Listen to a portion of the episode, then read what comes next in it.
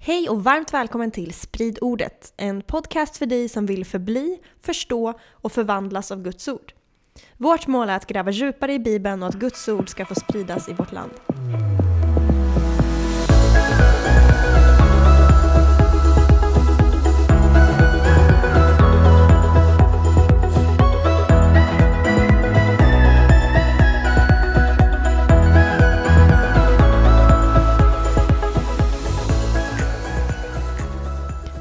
Välkomna till ett nytt avsnitt av Sprid ordet. Och som ni säkert har märkt så har vi ju massa bibelfrågor som vi håller på att gå igenom, vilket är så kul att ni skickar in frågor.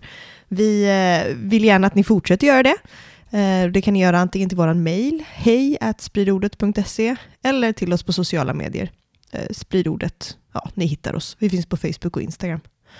Ja, Typ och så, och så vill jag bara säga också eh, tack till alla som ber för oss och eh, vi tar verkligen gärna emot förbön. Alltså det, är, det känns så stort och vördnadsfullt att få sprida Guds ord på det här sättet med en podd. Så här. Mm. Vi behöver allt eh, bönestöd vi kan få, liksom. eh, att vi, så att vi rättdelar sanningens ord och Verkligen. eh, ja, behaga Jesus i allt vi gör. Så här. Yes, och det är Ja. så roligt att höra från er när ni hör av er. Så Mm. fortsätt med det. Ja. Ja, ska vi hoppa in i direkt eller? Ja, men varför inte? Ja. Eller hur? Det, då har vi fått in eh, två frågor med en liten förtext här som jag tänkte jag skulle läsa. Och tack till dig som har skickat in frågan. Väldigt spännande. Står det så här. De pratar i Bibeln om att kallas störst och minst i himmelriket. Och någon annanstans om att den som varit först ska bli sist och tvärtom. Det står också på flera ställen i Bibeln om belöningar som ska ges i himlen. Till exempel för goda gärningar, tjänande, uppoffranden på jorden och att vi ska samla skatter i himlen istället för på jorden. Och så följer då två frågor på det. 1. Kommer det bli klassamhällen i himlen? Alla trogna, hårt tjänande som gör allt för att följa Jesus exempel får till exempel bo i finare boningar och ha mer tillgång till Jesus och alla de som bara gjort lite gott på jorden får bo sämre och ha mindre tillgång till Jesus. Och den andra frågan, är det viktigt att sträva efter dessa belöningar vi ska få i himlen? Är inte själva poängen med himlen att vi ska få vara hos Jesus och Gud för alltid? Är det inte det som är belöningen? Det var frågorna. vilka otroligt bra frågor. Och väldigt relevanta frågor. Så här. Ehm, Jag tänker typ att eh, när man börjar prata om lön i himlen eller belöningar i himlen så blir många instinktivt nervösa. Obekväma. Obekväma är ett bättre ord, ja. Precis, obekväma. För att så här, ehm, ja, men är det inte nåd bara? Allting är nåd, kommer vi inte komma till himlen liksom? Men, men så blir, då blir, kommer det verkligen vara kommunism i himlen? Eller alltså, kommer alla vara helt lika? Liksom? Kommer det vara helt plant? Eller kommer det finnas belöningar och ranker? Sådär. Mm. Eh. Och det är en annan grej som gör att det blir väldigt obekvämt att prata om lön, trots att Jesus talar väldigt mycket om lön. Mm. Eller han kanske inte talar mycket. Jo, men jo, Jo, absolut. ja, det. är ju också det här att eh, vi har ju en, alltså som kyrka har man ju en historia av mycket lagiskhet och göra, göra, göra, vilket då tar bort nåden. Och vi tenderar ju ofta att hamna i så här diken, att antingen predikar man bara göra, göra och så blir det lagiskt, eller bara nåd och så blir det liksom crazy grace och inget du gör spelar någon roll överhuvudtaget. Mm. Så att det är också en anledning till att man Ja, instinktivt... kyrkan pendlar ofta mellan Ja, två precis, Ja, precis. Det är sant alltså. Så att jag tycker själv att det är lite obekvämt att Ja. så här, prata för mycket om lön. Så det är jättebra frågor. Ja, men verkligen. Så det, här, det kommer bli spännande. Så det blir lite kontroversiellt ämne då. Ty- tydligen. Ja, ty- tydligen. Ja, men, men jag tänker då, eftersom vi ska, det är en bibelstudiepodd, jag tycker vi ska börja med att läsa Apostlagärningarna 17.11 här, och det så att vi bara har med oss det när vi studerar här. Och eh, där står det liksom att judarna som bodde i Berea var mer öppna än de i Thessalonika. De tog emot ordet med all villighet och forskade dagligen i skrifterna för att se om det kunde förhålla sig så. Mm. Alltså de var öppna på det som predikades för dem eller undervisades för dem, men de ville sen kolla, stämmer det här överens med vad Bibeln säger? Och om du har lyssnat på vår podd ett tag, då känner du nog igen det här bibelordet, för det känns som att vi nöter det. Lite som en te- ett tema för vår podd. Ja, men det är sjukt viktigt bibelord. Alltså. Vi vill vara som judarna i Berea där. Eh, så så bara ta det här med ett öppet sinne och sen pröva själv vad vi ska säga nu. Så. Eh, och Det finns ett annat jättebra bibelord också jag gillar bara att ha med här innan. Det är Ordspråksboken 18.13 där. Den som svarar innan han lyssnat handlar dåraktigt och skamligt. Precis, så det här är alltid också, jag vill verkligen vara så här när jag kommer till skriften liksom, med någon tanke som kanske utmanar mig eller sådär. Okej, jag får inte döma innan jag lyssnat färdigt. Eh, utan jag lyssnar klart och sen så gör jag en bedömning utifrån det då, utifrån Bibeln. Mm. Ja. Så, jag tänkte, vi, vi börjar nu hela liksom, vår resa här då, att utforska de här spännande frågorna med lön i himlen och så vidare genom att gå till Hebreerbrevet 6. För Hebreerbrevet där, författaren där, han kommer börja prata om så här, trons grunder och så säger han att ja, men ni borde kunnat de här för länge sedan, ni ska kunna det här, det, det här är basics, ni borde gå vidare till mer avancerad undervisning. Och då är det bara intressant att läsa vad som är trons grunder för Hebreerbrevets författare. Vad han anser vara ja, men fundamenten, grundstenarna liksom, i kristen tro. Så om vi läser det eh, första tre verserna i Hebreerbrevet 6. Yes. Låt oss därför lämna bakom oss de första grunderna i Kristi lära och föras mot fullkomningen och inte lägga grunden igen med omvändelse från döda gärningar och tro på Gud, med undervisning om dop och handpåläggning, om de dödas uppståndelse och evig dom. Ja, så vill vi göra om Gud tillåter. Okej, så sex stycken saker är tillhör trons grunder. Det är omvändelse, tro på Gud, dop, handpåläggning, de dödas uppståndelse och evig dom. Mm. Okej? Och det vi kommer att tala om nu hör samman extremt mycket med de här grundpelarna. För de här, det, här, det här är grundläggande saker i kristen tro som alla kristna ska ha stenkoll på. Egentligen. För det är ju grunder. Och, och jag blamear inte någon om man inte har koll på det här. eh, För att det kanske, man kanske inte har hört undervisning om det. Så här, men, men som kristna behöver vi lära oss det här, för det här är grunden. Och en grundläggande kristen lära, det är ju att alla döda kommer uppstå för att en dag dömas. Mm. Vare sig man är kristen eller ej så kommer man dömas på domedagen. Så här. Och vad innebär att man uppstår då? För uppstå pratar vi alltid, eller så här, Jesu uppståndelse, då tänker man ju verkligen liv. Om man, de som inte är, tror på Jesus uppstår, vad innebär det? Ja, det betyder att de, de, får liv igen och står inför Guds domstol och där så kommer de behöva avlägga räkenskap för sitt liv. De kommer, ja, man kommer behöva liksom ge svar på hur man, hur man levde sitt liv och sen kommer man få en dom utifrån det. Då. Mm. Svarar du på frågan? Ja, Typ, sen vet ja. vi inte hur det kommer se ut, men det, Nej. det märker Ja, det märker vi. Men, och det, här var liksom, det här var verkligen det Paulus predikade, det är det här apostlarna predikade, väldigt tydligt. Så. Eh, till exempel kan man läsa om det i Apostlagärningarna 24, då står Paulus inför makthavare och predikar. Eh, och, och vad predikar han för något igen i vers 15 och 16 där? Och jag har samma hopp till Gud som dem, att både rättfärdiga och orättfärdiga ska uppstå en gång. Därför strävar jag själv efter att alltid ha ett gott samvete inför Gud och människor. Okej, så Paulus säger, det kommer komma en dag när alla människor uppstår och man kommer hållas ansvarig inför Gud. Och på grund av det här så strävade Paulus varje dag för att ha, efter att ha ett gott samvete inför Gud. Gudsfruktan. Ja, för att han visste att dödas uppståndelse skulle äga rum. Mm. Därför var han hela tiden mån om att ha ett rent samvete. Väldigt intressant. Vi, vi, vi läser lite från Andra Korinthierbrevet 5 här. Vi läser tio verser från Andra Korinthierbrevet 5. Och det är Paulus igen som pratar. Vi vet att om vårt jordiska tält rivs ner så har vi en byggnad från Gud. En boning som inte är gjord med händer. En evig boning i himlen. Så länge vi bor i detta tält suckar vi därför och längtar att få ikläda oss vår himmelska boning. Ty när vi är klädda i den ska vi inte stå där nakna. Ja, vi som bor i detta tält suckar tungt. Vi vill inte bli avklädda utan överklädda för att det som är dödligt ska bli uppslukat av livet. Och den som har berett oss för detta är Gud som har gett oss anden som en handpenning. Vi är därför alltid vid gott mod, fastän vi vet att vi är borta från Herren så länge vi är hemma i kroppen. Ty vi lever här i tro utan att se. Men vi är ändå vid gott mod och skulle hellre vilja flytta bort från kroppen och vara hemma hos Herren. Därför sätter vi en ära i att vara honom till behag, vare sig vi är hemma eller borta. Så vi måste alla träda fram inför Kristi domstol för att var och en ska få igen vad han har gjort här i livet, gott eller ont. Okej, okay, mycket text där. Men, så det först Paulus säger, det han säger att våra nuvarande kroppar, det är som ett tält. Men det väntar en bättre boning för oss i himlen, alltså en permanent boning. Eh, så att han liknar eh, tält, det är ju ingenting man bor permanent i förhoppningsvis, utan det är kanske något man kampar i eller sådär, medan en Ja. permanent boning, det är det som väntar oss i himlen. Då. Så de här kropparna nu är temporära. Och så säger han, och då kommer vi inte vara nakna, Utan då kommer vi vara överklädda, alltså vi kommer vara klädda i härlighet. Overall. Overall med härlighet. Och vi lever här i tro utan att se. Vi har inte, och han liksom så här, för vi har inte sett uppståndelsen än, men vi tror på den. Och en dag kommer vi uppstå och vi lever för den dagen. Och då kommer vi att träda fram inför Kristi domstol, säger han. Mm. Alltså Jesus kommer döma oss. För lägg märke till vad Paulus sa där. Han sa, vi måste alla träda fram inför Kristi domstol. Mm. Alltså vi, alltså vi kristna, alla kommer dömas. Och då kommer vi få igen vad vi gjort här i livet, gott eller ont, sa han där i vers 10. Och egentligen, vilken otäck sak att vara inför Guds domstol.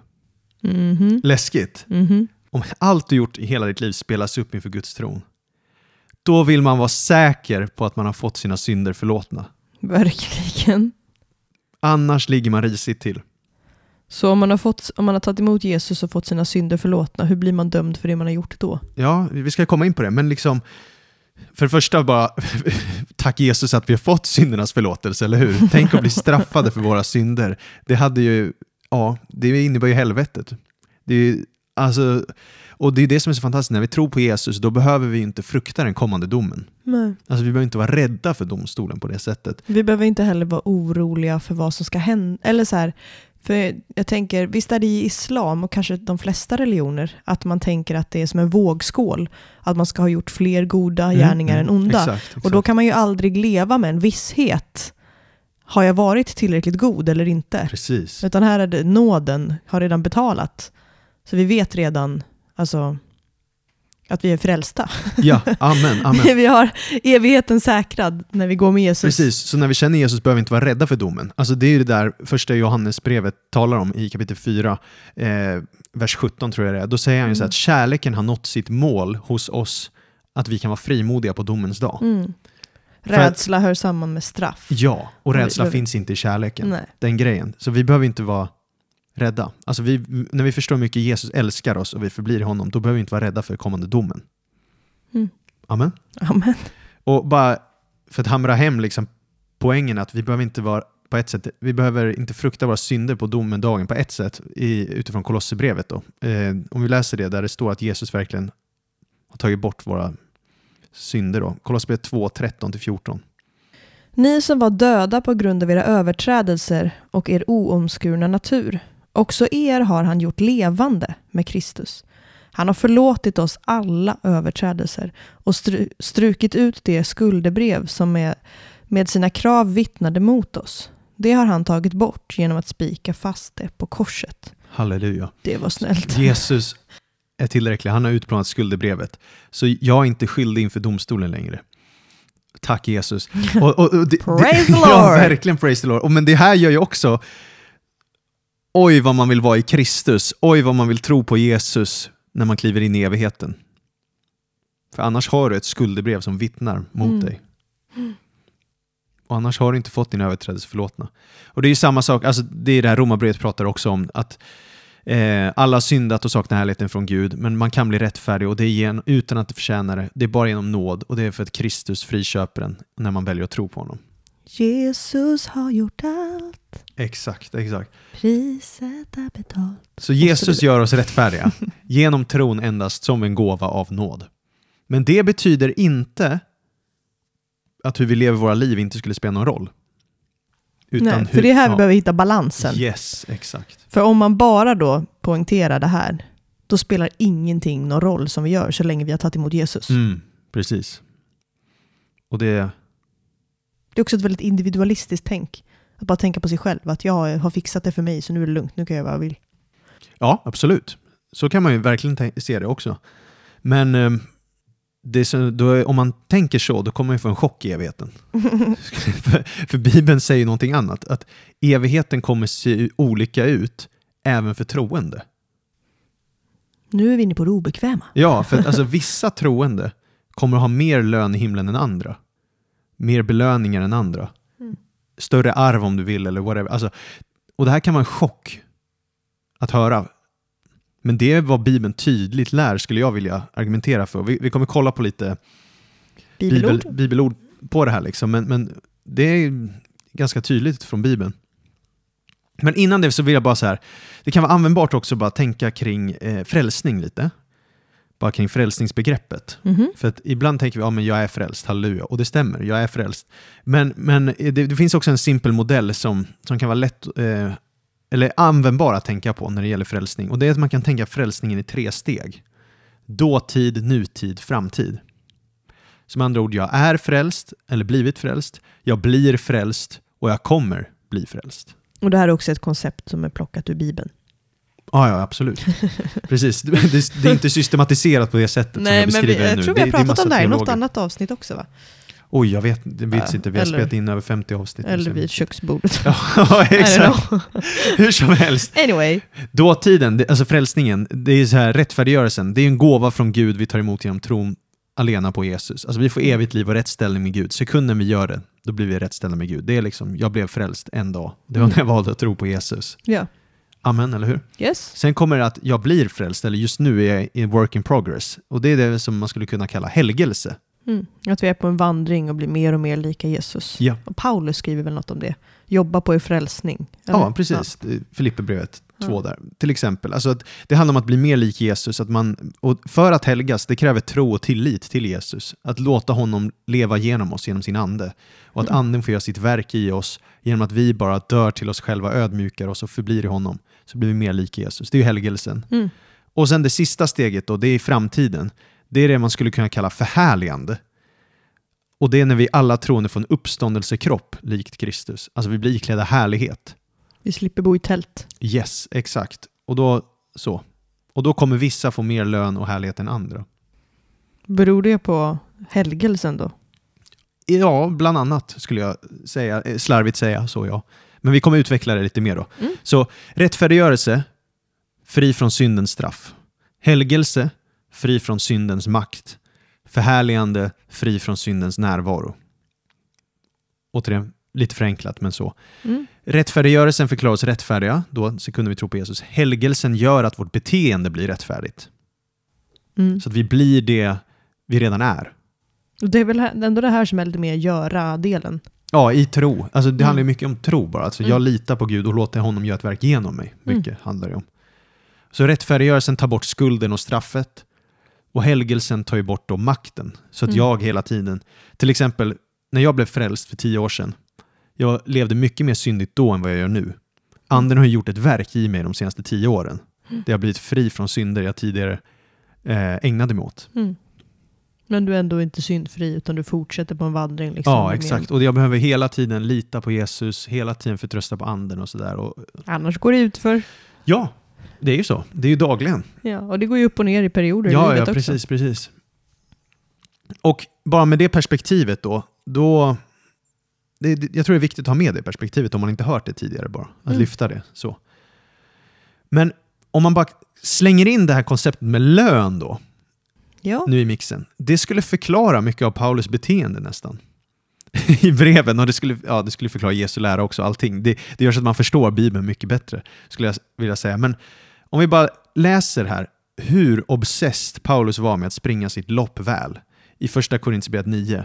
Alltså, bara läs de här orden och hör. Det är nästan som en paranoid, men inte riktigt. Jag bara använder det ordet lite så här eh, extremt. Men ja, om vi läser första Korinthierbrevet 9, där, ja. från vers 24. 24. Yes. Vet ni inte att av alla löparna som springer på en tävlingsbana är det bara en som får priset? Spring så att ni vinner det. Men alla som tävlar underkastar sig i allt hård träning. De för att vinna en segerkrans som vissnar. Vi för att vinna en som aldrig vissnar. Jag löper alltså inte utan att ha målet i sikte. Jag boxas inte likt den som, stå, som slår i tomma luften. Istället slår jag min kropp och tvingar den till lydnad för att jag inte själv på något sätt ska komma till korta vid provet när jag predikar för andra. Här låter det inte som att Paulus bara, ja, när jag trodde på Jesus, efter det kan jag chilla galet. 24-7, nåden täcker allt, halleluja. Eller hur? Det är mer elitidrottsmans-tänket. Yes. Spring tills du spyr typ. Ja, ja, verkligen. Han, han är verkligen så här, jag ska vinna guldmedaljen. Jag ska få kransen som aldrig vissnar. För det är det han säger där. Det Mm. finns en krans som inte vissnar. Alla andra här, alla elitidrottsmän på jorden, de får en glory, en härlighet som kommer fejda, som kommer gå bort. De får en pokal, de får en medalj, de får en krans. Men vi, vi kommer få en belöning som varar för evigt. Mm. Och han vill vinna den här kronan då. Intressant, eller hur? Verkligen. Så det är uppenbart här att när Paulus kom till tro så sitter han inte och väntar på himlen sen. Alltså det är som att livet här och nu inte spelar någon roll, utan tvärtom. I och med att Jesus har uppstått så spelar livet här och nu extremt stor roll. Mm. Just för att han lever för himlen så gör han jättestor skillnad på jorden. Mm. Och det är väldigt intressant för Paulus säger i första Korinthierbrevet 15, om du läser det igen i vers 19 där, så pratar han om uppståndelsen. Om vi i detta livet sätter vårt hopp endast till Kristus och han inte har uppstått, då är vi de mest beklagansvärda av alla människor. Jag tycker det är väldigt starkt, för det Paulus egentligen säger är att han levde ett sånt liv att det skulle vara patetiskt om uppståndelsen inte kommer äga rum. Mm. Alltså för han levde för den kommande världen. Han, han gjorde så många uppoffringar, han gjorde så mycket li, utsatte sig för så mycket lidande och bara tvingade sin kropp till lydnad och utsatte sig för som en elitidrottsman och gav upp så mycket här och nu för evigheten. Så om inte Kristus uppstått, om han själv, om Paulus inte kommer uppstå en dag, då är han den mest beklagansvärda av alla människor. Cause then it's all in vain. Ja, precis så. Då har han lidit allt i onödan. Och med detta gör han då en omvänd poäng att det är klart att det är på riktigt, annars skulle jag inte kämpa så här mycket. Ja, precis. exakt, exakt. Och vad han säger li, eh, liknande i några verser senare i första Korinthierbrevet 15 där. Om vi läser vers 30 till 32. Och vi, varför utsätter vi oss för faror jämt och ständigt? Jag dör varje dag, så sant som jag i Kristus Jesus, vår Herre, kan berömma mig av er, mina bröder. Om jag hade tänkt som människor i allmänhet när jag kämpade mot vilddjuren i Efesus, vad skulle jag haft för nytta av det? Om de döda inte uppstår, låt oss äta och dricka, ty imorgon dör vi. Så här är han gör poängen här. Okej, det är klart uppståndelsen är sann. Så här, Anna, jag utsätter mig för faror jämt och ständigt. Jag dör varje dag till mig själv, säger Paulus. För om jag hade tänkt som människor allmänhet, carpe diem eller alltså chilla galet, alltså hela den här grejen. YOLO! Ja, som de i Efesus, de tänkte, de tänkte bara, de tänkte låt oss äta och dricka för imorgon dör vi. YOLO, precis, you only live once. Alltså det, den mentaliteten. Men Paulus var, you only live for eternity. Alltså du lever, eller only, you, you live for eternity. Du, Ylfi. il- Det är det nya. Ja, det är Hashtaggen. den nya hashtaggen. Men han levde för evigheten, för att han skulle stå inför Jesus en dag och dömas. Ja. Och det är därför han avslutar första Korinthierbrevet 15 där, i sista versen, vers 58 med att säga Var därför fasta och orubbliga, mina älskade bröder, och arbeta alltid hängivet för Herren, eftersom ni vet att ert arbete i Herren inte är förgäves. Så han uppmuntrar dem. Uppståndelsen kommer att äga rum. Var nu fasta och orubbliga i det. Var alltid hängivna, ivriga, nitiska, all in. För att ert arbete i Herren inte förgäves. Ni kommer få lön med andra ord. Det kommer belöna sig i evigheten. Mm.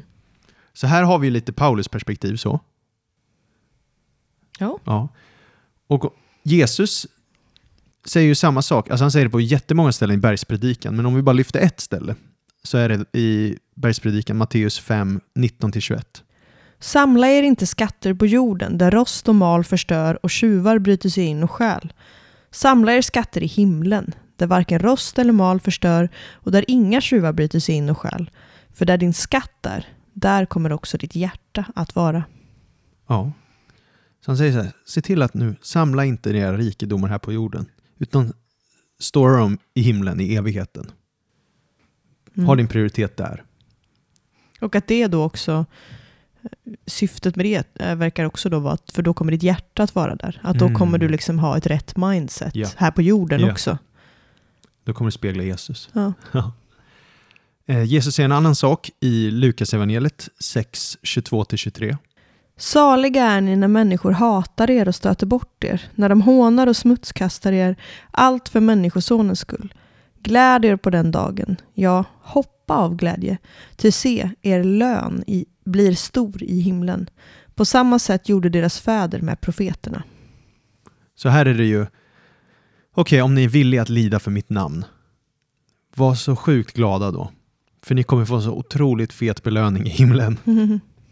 Om ni utsätts för lidande här och nu för, för mitt namns skull, för Jesu namns skull. Evigheten kommer vara så värt det. Jag kommer belöna er så mycket. Mm. Men om, om ni inte gör det, utan ni strä, eftersträvar mer bekvämlighet här på jorden. ja, då får, går ni miste om lön. Det är lite det Jesus säger ju. Mm. Och jag menar, alltså aposteln Johannes säger samma sak när han skriver andra Johannesbrevet. Då säger han så här, se till att ni inte förlorar det vi arbetat för utan får full lön. Mm. Säger han i eh, andra Johannesbrevet. Och i Uppenbarelseboken när Jesus talar i 22.18 Se, jag kommer snart och jag har min lön med mig för att ge åt var och en efter hans gärningar. Så Jesus säger, se jag kommer snart, jag kommer komma tillbaka till jorden och då kommer jag belöna var och en efter vad man har gjort. Tydligen. Mm. Så det är ju, utifrån att ha läst de här ställena så känns det ju väldigt tydligt. Mm. Sen, sen är det inte astydligt vad lönen är för något. Nej, nej. Men jag tycker vi, vi, vi kollar lite, ännu mer på det då. Vi tar fler bibelord här. Det, det, ja, det här är de bästa avsnitten när vi bara läser bibel, eller hur Jenny? Eh, Let's go. om vi läser första Korintierbrevet 3, och jag tycker det här kan tydliggöra ännu mer perspektivet kring, kring lön och frälsningen och förhållandet mellan dem. Okej. Så om vi läser från vers 6 i första Korintierbrevet 3. Jag planterade, Apollos vattnade, men Gud gav växten. Varken den som planterar eller den som vattnar betyder något, utan bara Gud som ger växten. Den som planterar och den som vattnar är ett, och var och en ska få sin lön efter sitt arbete. Vi är Guds medarbetare och ni är Guds åker, Guds byggnad. Med den nåd som Gud gett mig har jag som en kunnig byggmästare lagt grunden och nu bygger en annan vidare på den. Men var och en måste tänka på hur han bygger. Ingen kan lägga en annan grund än den som är lagd, Jesus Kristus. Om någon bygger på den grunden med guld, silver och ädelstenar, eller med trä, hö och halm, så ska det visa sig hur var och en har byggt. Den dagen ska visa det, för det uppenbaras i eld, och elden ska pröva hur vars och ens verk är. Om det verk som någon har byggt består ska han få lön, men om hans verk brinner upp ska han gå miste om lönen. Själv ska han dock bli frälst, men som genom eld. Ja. Okej, låt oss eh, kolla lite på den här texten. Så det, Paulus börjar med att säga att han har planterat, Apollos var en annan tjänare, han har vattnat, men det är Gud som ger växten. Så han säger till församlingen i Korint här, okej, jag, Paulus och Apollos, det spelar inte så stor roll, det som är viktigt är Gud. Det är Mm. Gud som har gjort det här verket. Han använder våra gåvor. Eh, jag och Apollos, vi gjorde olika uppgifter, men den som planterar och den som vattnar är ett. Och var och en ska få lön för sitt arbete. Mm. Så med andra ord, Gud kommer belöna. Gud kommer belöna Paulus, Gud kommer belöna Apollos. Vi är Guds medarbetare. Samtidigt som de är ett, som de är kroppen. Liksom. De är kroppen, de är Ja. teamwork, eller hur? Så det är inte så att eh, Paulus behöver vara avundsjuk på att Gud gör så mycket genom Apollos, eller tvärtom, Nej. så här, utan de har olika roller, olika gåvor och allting, och de är teamwork. De spelar Mm. i samma lag. Om det går bra för den ena går det bra för den andra. Mm. Den grejen, för de är, ja, Team Jesus Ja men det är samma kropp Mm. som, en- som ja, det är Ja. en bild för församlingen. Ja, exakt, exakt. Och då säger han så här att okej, och nu till exempel i församlingsbygget då, så kan man likna er vid en åker eller en Guds byggnad. Och så tar han liknelsen av en, vid ett hus. Och så säger han så här att jag har nu lagt grunden i era liv och, eh, och så, och nu bygger en annan vidare på det. Men man, var och en måste tänka på hur han bygger, alltså hur man bygger sin tro, hur man bygger sitt liv utifrån tron Mm. säger Paulus. Okej, tänk över ditt liv nu. Hur lever du? Vad gör du med tron du har fått nu som gåva? För nummer ett, ett, säger Paulus, ingen kan lägga en annan grund än den som är lagd, Jesus Kristus. Mm. Det är liksom fundamentet. Nu är vi alla troende, Jesus är grunden, han är klippan, det är det vi bygger på. Mm. Men sen kan man bygga lite hur man vill sin tro. Någon, vers 12 där, kommer bygga med guld, silver och ädelstenar. Medan en annan kanske bygger med trä, hö, halm. Och Vad skulle det här kunna vara symboler för? Ja, ja vi, vi tar det vi, om vi bara läser en, en vers till här. Okej. För det kommer visa sig hur var en byggt. Den dagen, alltså domedagen, kommer visa hur man har byggt sitt liv, sin tro. För den dagen kommer uppenbaras i eld och elden kommer pröva hans verk. Och om det verk som någon byggt består kommer han få lön, men om hans verk brinner upp kommer han gå miste om lönen. Men han själv blir frälst, men som genom eld. Så han, Paulus gav exempel på två kategorier. Guld, silver, dyrbara stenar. Trä, hö, halm. Guld, silver, dyrbara stenar, det består eld. Det Mm. överlever eld. Ja. Trä, hö, halm, not so much. Nej. Det brinner upp. Mm. Så då tänk dig ett liv. Du har byggt ett liv på Kristus. Sen hur du byggt det, det är domedagen som kommer uppenbara. Det kommer komma en eld, falla en eld och bränna bort allt som är trähöhalm. Men allt som är guld, silver och dyrbara stenar kommer bestå och det kommer du få behålla som lön då i himlen. Så att det kommer då finnas vissa människor som blir frälsta men får ingen lön alls. För de byggde på med frälsningen var nada. Man byggde trähöhalm. Mm. Och då kommer vi till din fråga. där. Vad är det ja, då? Vad är det för något? Vad, vad, vad tror du det är, Jenny? Om jag ställer den frågan. Ja, alltså det finns ju ett, något citat, nu översätter jag det fritt, fritt här, från C.S. Lewis tror jag, som är allt som inte är evigt är evigt onödigt. På något sätt. Jaha, ja. Eh, skulle det kunna vara till exempel, alltså jag fattar inte riktigt, för man bygger sin tro på det. Det, det, det jag tänker spontant på är typ så här, ja, men materialistiska saker. Om jag Ja, investerar hela min tid i att jag ska samla på små porslinsfigurer. Liksom. I don't know. Det kanske består i eld, I don't know. Nej, jag skojar. Men eh, det, det är liksom det, mest, det jag tänker på spontant, Mhm. att, så här, att man, man lägger all sin tid och energi på att bygga något rike som inte är Guds rike. ja, just det. Ja, men Att så här, absolut. jag, eh, men jag vet inte riktigt om det går i linje med hur jag läser det nu, för att det står ju liksom att man bygger sin... Att man bygger.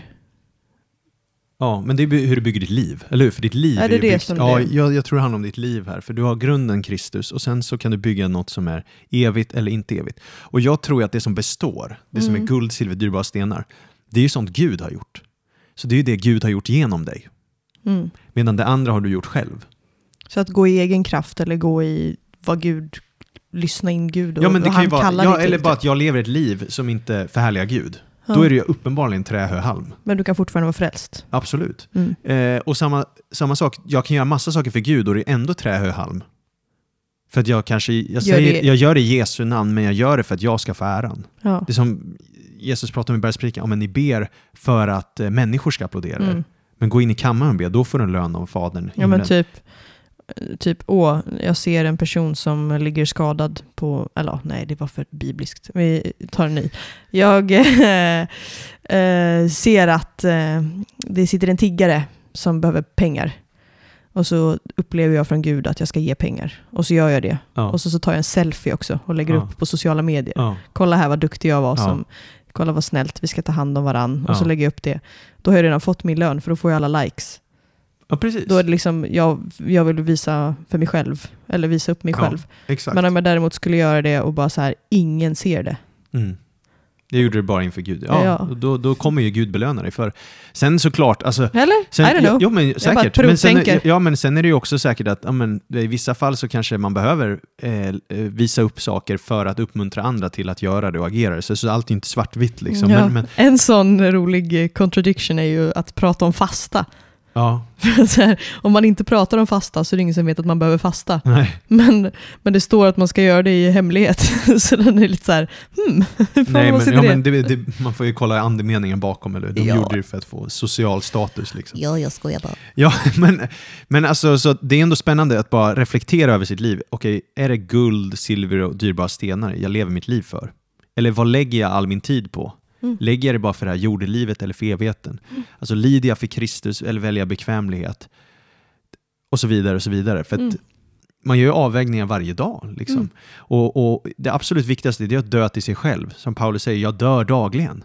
Mm. För att jag lever för uppståndelsen. Om jag hade tänkt som de i Efesus, vilddjuren i Efesus, då hade jag bara sagt låt oss äta och dricka för imorgon dör vi. Då hade jag levt ett YOLO-liv. Liksom. Lev som om det inte är någon morgondag. Men nej, lev som om det är en evighet. Alltså, så att mina beslut hela tiden präglas av det. Typ. Och mycket handlar ju också om att bara vara en god förvaltare av det Gud gett en. Mm. Okej, Gud har gett mig sin heliga ande. Hur förvaltar jag det? Han har gett mig massa gåvor, massa nåd, massa talanger, massa tid, olika förutsättningar. Vad gör jag med det? Mm. Och alltså, Det har ju mycket med förvaltarskap att göra, tänker jag också. Mm. För vad gör vi med Guds son, gåvan av evangeliet? Vad gör vi med anden? Och vi har ju alla fått olika förutsättningar. Alltså vissa har ju, vissa är kroniskt sjuka. Mm. Det är ju en förutsättning. Vissa har, eh, växer upp utan internet, vissa växer upp med internet. Mm. Det är olika förutsättningar. Vissa eh, har tillgång till gratis utbildning, andra har inte det. Det är olika förutsättningar.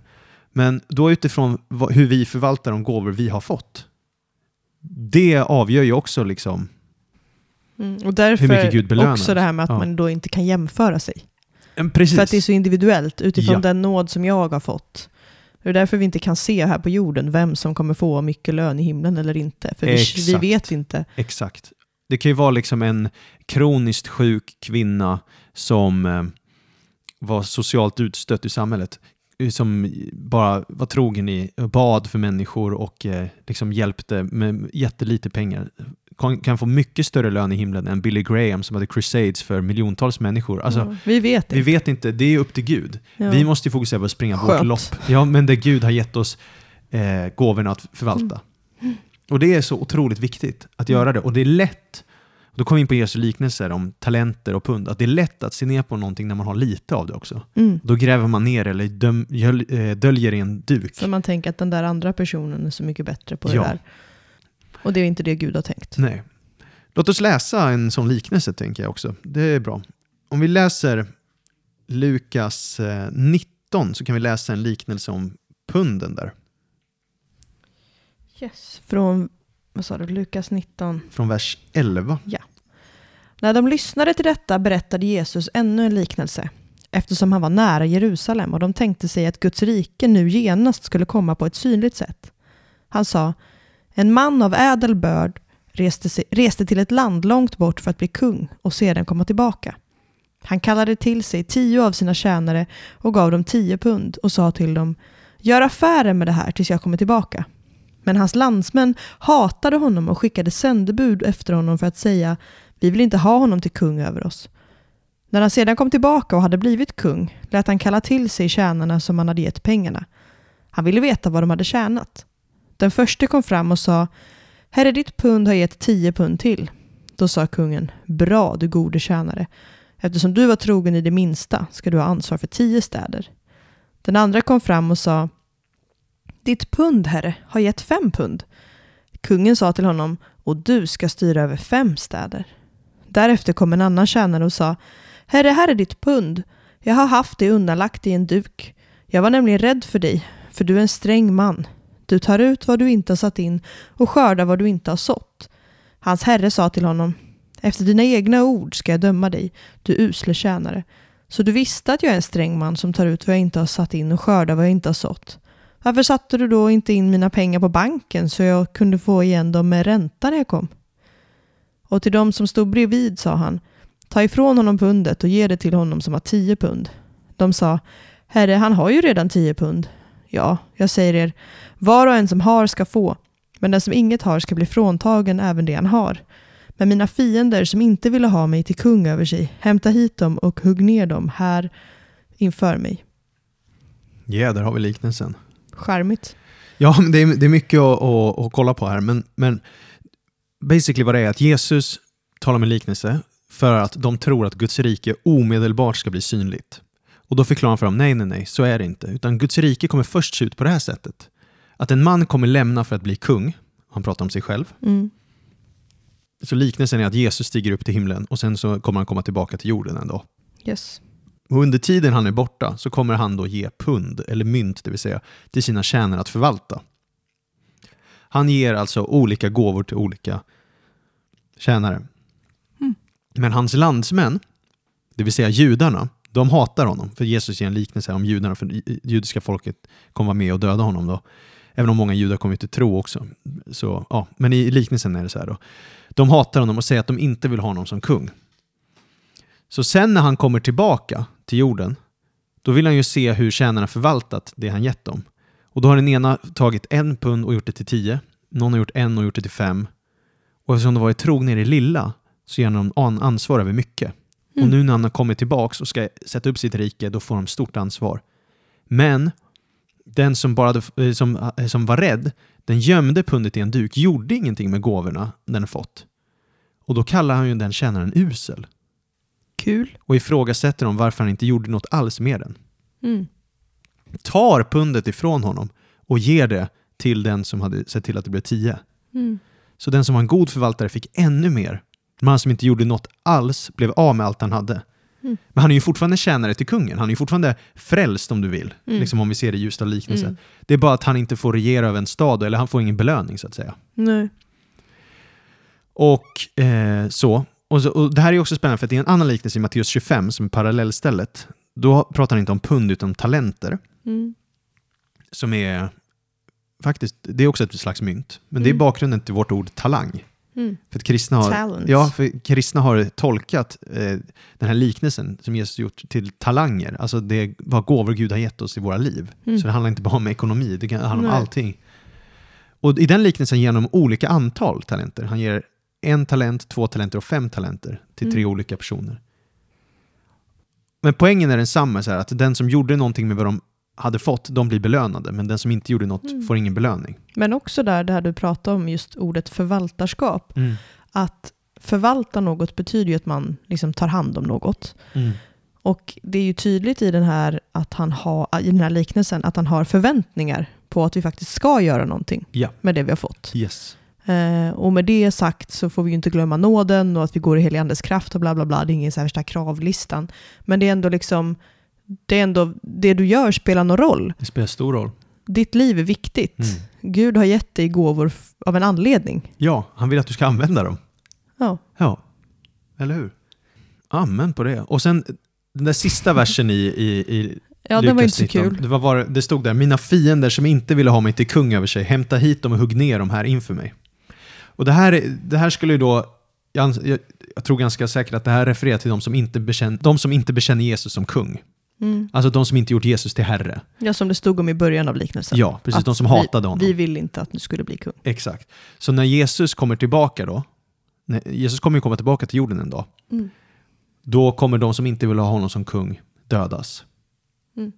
Och det ser vi i Uppenbarelseboken också. Eh, att när Jesus kommer tillbaka, de som inte vill ha honom som kung, de tyvärr, Och där har vi då skillnaden på domen. ja, Att även fast den här usle tjänaren, han vill ändå ha honom som kung. Han trodde ändå på honom. Liksom. mm, exakt. Precis, så även fast han var en urusel förvaltare så får han ändå vara kvar i riket. Mm. Och det är därför det är så viktigt att vi berättar om Jesus för folk. Så att de, eller presenterar honom som kung. Ja, det är det viktigaste av allt, eller hur? Det viktigaste är ju att få med folk hela vägen. Ja, ja. För vi vill inte att folk ska gå miste om evigheten. Nej, det är precis så. För det kom, vi, kom, vi alla kommer uppstå en dag. För att Jesus uppstod från den döda kommer alla människor uppstå en dag. Mm. Vi kommer stå inför Jesus, han kommer döma hela mänskligheten. Och då vill man ju se till att Jesus är ens vän. Mm. Att det är ens frälsare, ens herre, Mm. ens broder. Mm. Oui, oui. Ja, men på tal om det där med själavinnande du sa, alltså Bibeln pratar ju också, om, i ljuset av belöningar pratar det mycket om att få en segerkrans och belöning. Liksom.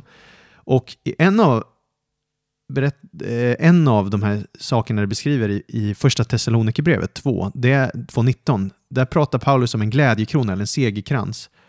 Och andra människor som har vunnit för Herren kommer som var en glädjekrona för en på den stora dagen. Det är nästan som en själavinnande krans man har då när man vunnit mycket själar för riket Mm.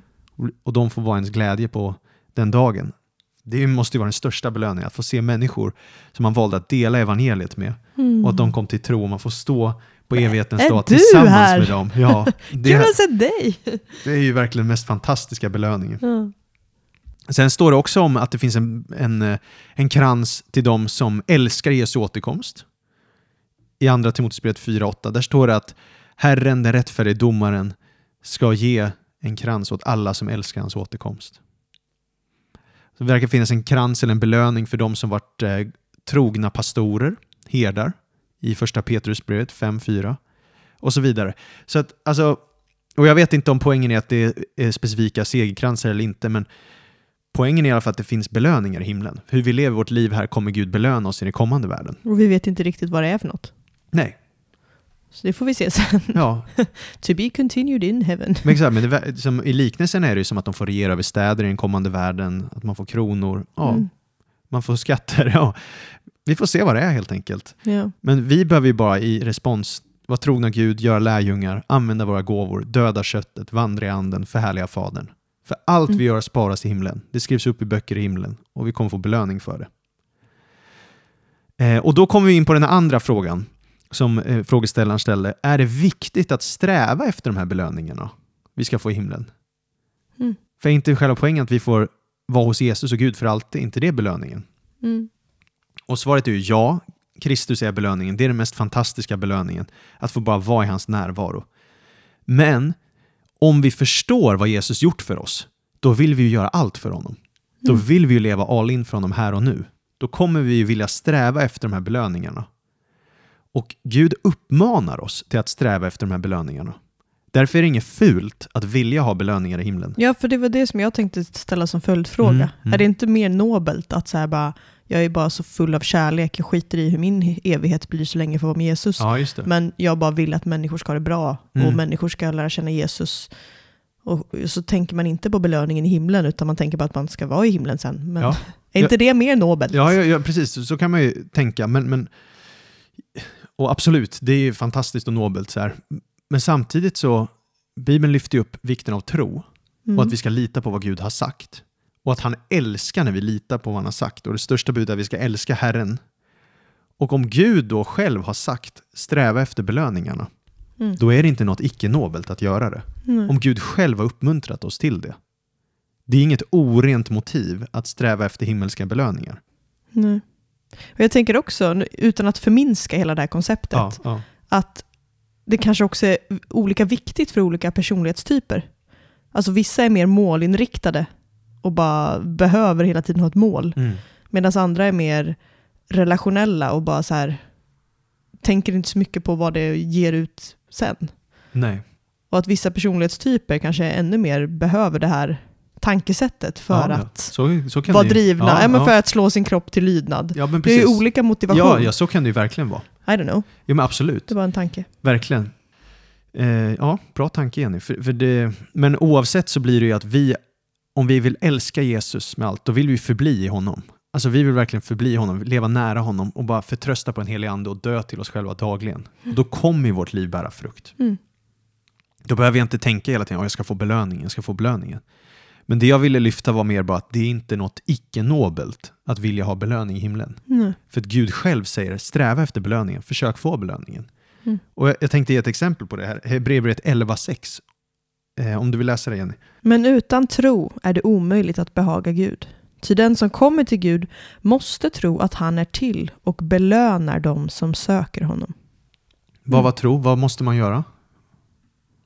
Eh, man måste tro att han är till och att han belönar de som söker honom. Man måste tro att Gud belönar. Att Mm. det finns en belöning i att söka Gud. Alltså Gud blir glad när man tror att han kommer ge avkastning på att man litar på honom. Alltså det Mm. lönar sig att följa Gud. Det är väl ett sätt att, till tillit också. Ja. Tillit till hans ord, att han kommer göra det som han har sagt. Exakt, det kommer bli så sjukt mycket bättre. Mm. Och hela Hebreerbrevet 11 handlar om det, att lita på Gud och att han kommer belöna en för Mm. att man väljer att lita på honom i stunden. Det, där i Hebreerbrevet 11 så, jag ska ta fram det här faktiskt, för det, när det pratar om Mose där så står det att Mose valde hellre att bli illa behandlad tillsammans med Guds folk än att en kort tid leva i syndig njutning. Han räknade Kristi smälek som en större rikedom än Egyptens alla skatter, för han hade sin blick riktad på lönen. Mm. Mose hade blicken riktad på lönen. Han visste att okej, jag lider nu, men jag kommer få en sån sjuk belöning av Kristus då, eller, Eller Gud. frisk. Ja, exakt. Jag kommer få en så otroligt stor belöning framöver. Ja. Och han, det var hans motivator att uthärda lidandet, att vara villig att genomlida det. Och det var inget icke-nobelt, det var något vackert, för att han Mm. litade på vad Gud hade sagt. Att håll fast vid mig för jag belönar det. Mm. Amen, eller hur? Verkligen. Och jag tror bara i allt det här så tror jag att det viktigaste konceptet, jag tror egentligen, Jenny, jag tror när jag tänker efter så är det nog fruktbärande som är det viktigaste. Att vi bär frukt. Och det gör vi genom att förbli Jesus. Jesus säger att han är vinstocken, vi är grenarna. Om vi förblir honom bär vi rik med frukt. Och att om vi förblir i honom så kommer det producera den här frukten. Att vi kommer ha andens frukt i våra liv. Kärlek, glädje, frid, tålamod, Mm. mildhet och så vidare. Godhet. Alltså, vi kommer leva ut det livet och vi kommer vara mer Kristus lika.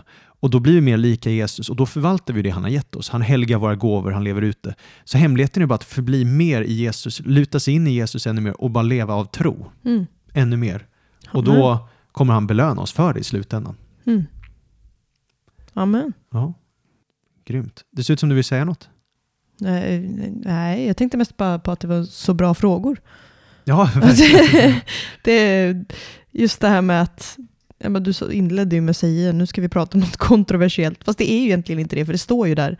Men utifrån, det står ju jättemånga ställen. men utifrån vår historia som kyrka, Mm. att det har blivit att man pratar inte så mycket om det. Um, men det är ändå ett viktigt koncept. Jag hörde det var någon som sa, eh, vem var det nu då? Kan det vara John Bevere? Ja, det var någon i alla fall, någon, någon bibellärare som berättade att han hade träffat någon kyrka i Brasilien och så hade de exploderat, alltså blivit jättemånga efterföljare på jätte, jättekort tid. Och så frågade han var, var, varför är det så här? Var, hur, hur, hur kan det vara att så många bjuder med folk till kyrkan? och Allting? Han bara, nej men vi undervisar om evigheten och e lön i himlen Mm. och att eh, ehm, men det du gör här och nu spelar stor roll, du kommer bli belönad för evigheten. Mm. Så de levde hela tiden för, det var inte bara "Åh, jag blev frälst, jag kan hålla det för mig själv, halleluja, det är fantastiskt. Utan bara, wow, Gud kommer belöna mig. Om Jesus är sann, då spelar allt jag gör roll. Mm. Låt mig leva det nu, all in, det spelar ingen roll, lidande, kaos. Alla måste få höra om Jesus. Mm. Jag vill bara förvalta de gåvor Gud gett till mig, så så många som möjligt kan komma till tro Mm. och Gud blir förhärligad. Evighetsperspektivet. Ja, evighetsperspektivet. För det blir så lätt annars i diskussioner att bara tänka, ja, ja men om det inte är nice just nu, varför behöver jag dö, dö till mig själv? Varför säger Gud så här? Kan inte jag också få göra det här och det här och det här? Mm. Och så bara, ja men fäst blicken på evigheten. Mm. Lev för evigheten. Det är det viktigaste. Alltså det är det. Vi lever Och det- för uppståndelsen. Och det känns ju som att det är så långt bort när man är mitt i livet. mm. Men det är ju inte det om man Nej. jämför med, alltså livet här på jorden är ju bara en liten fis i rymden Ja. i jämförelse med hur länge vi kommer leva i Mm. evigheten. Mm. Och det är väl där också, alltså Bibeln tar ju upp så mycket kring uthållighet, hur Ja. viktigt det är. Eh, och att, eh, ja, men, att jag får lida här på jorden är ingenting i jämförelse med den härlighet som jag kommer få sen. Mm. Eh, det är ju också en, ett, så här hoppfull, ett hoppfullt koncept som gör att man orkar hålla ut. Orkar ta emot lidande, orkar ta emot när folk eh, ser ner på en eller orkar hålla ut i bön, skänka mer pengar än vad man egentligen klarar av. Eller så här, Ja, ja, vad det nu kan vara Ja, som exakt. Gud säger till en. ja. Och återigen, Gud ser inte så som människor ser. Nej. Han ser det på ett helt annat sätt. Så att, Hans måttstock är sig, helt annorlunda. så att jämföra sig med andra och vad de gör är helt onödigt. Mm. Keep your eyes on Jesus. Precis, och det, det är amen, amen. Ja, har vi Halleluja. svarat på frågorna tycker du? Ja, jag hoppas det i alla fall. Ehm, Annars får frågaren det komma kanske in med växer ännu mer frågor nu. ja, men återigen, det här är bara som sagt, var som judarna i Berea, efterforska dagligen om, och se om det här kan förhålla sig så. Gräv i Mm. ordet, lär känna Guds röst ännu tydligare. För att om man tror på Jesus, då är vi får i hans jord. Och Jesus säger att mina får hör min röst. Så du kan höra Guds röst personligen. Fråga Herren, be till honom, sök i ordet och sprid ordet. Yeah! Amen. Amen. Tack så mycket. Kul att ni har lyssnat.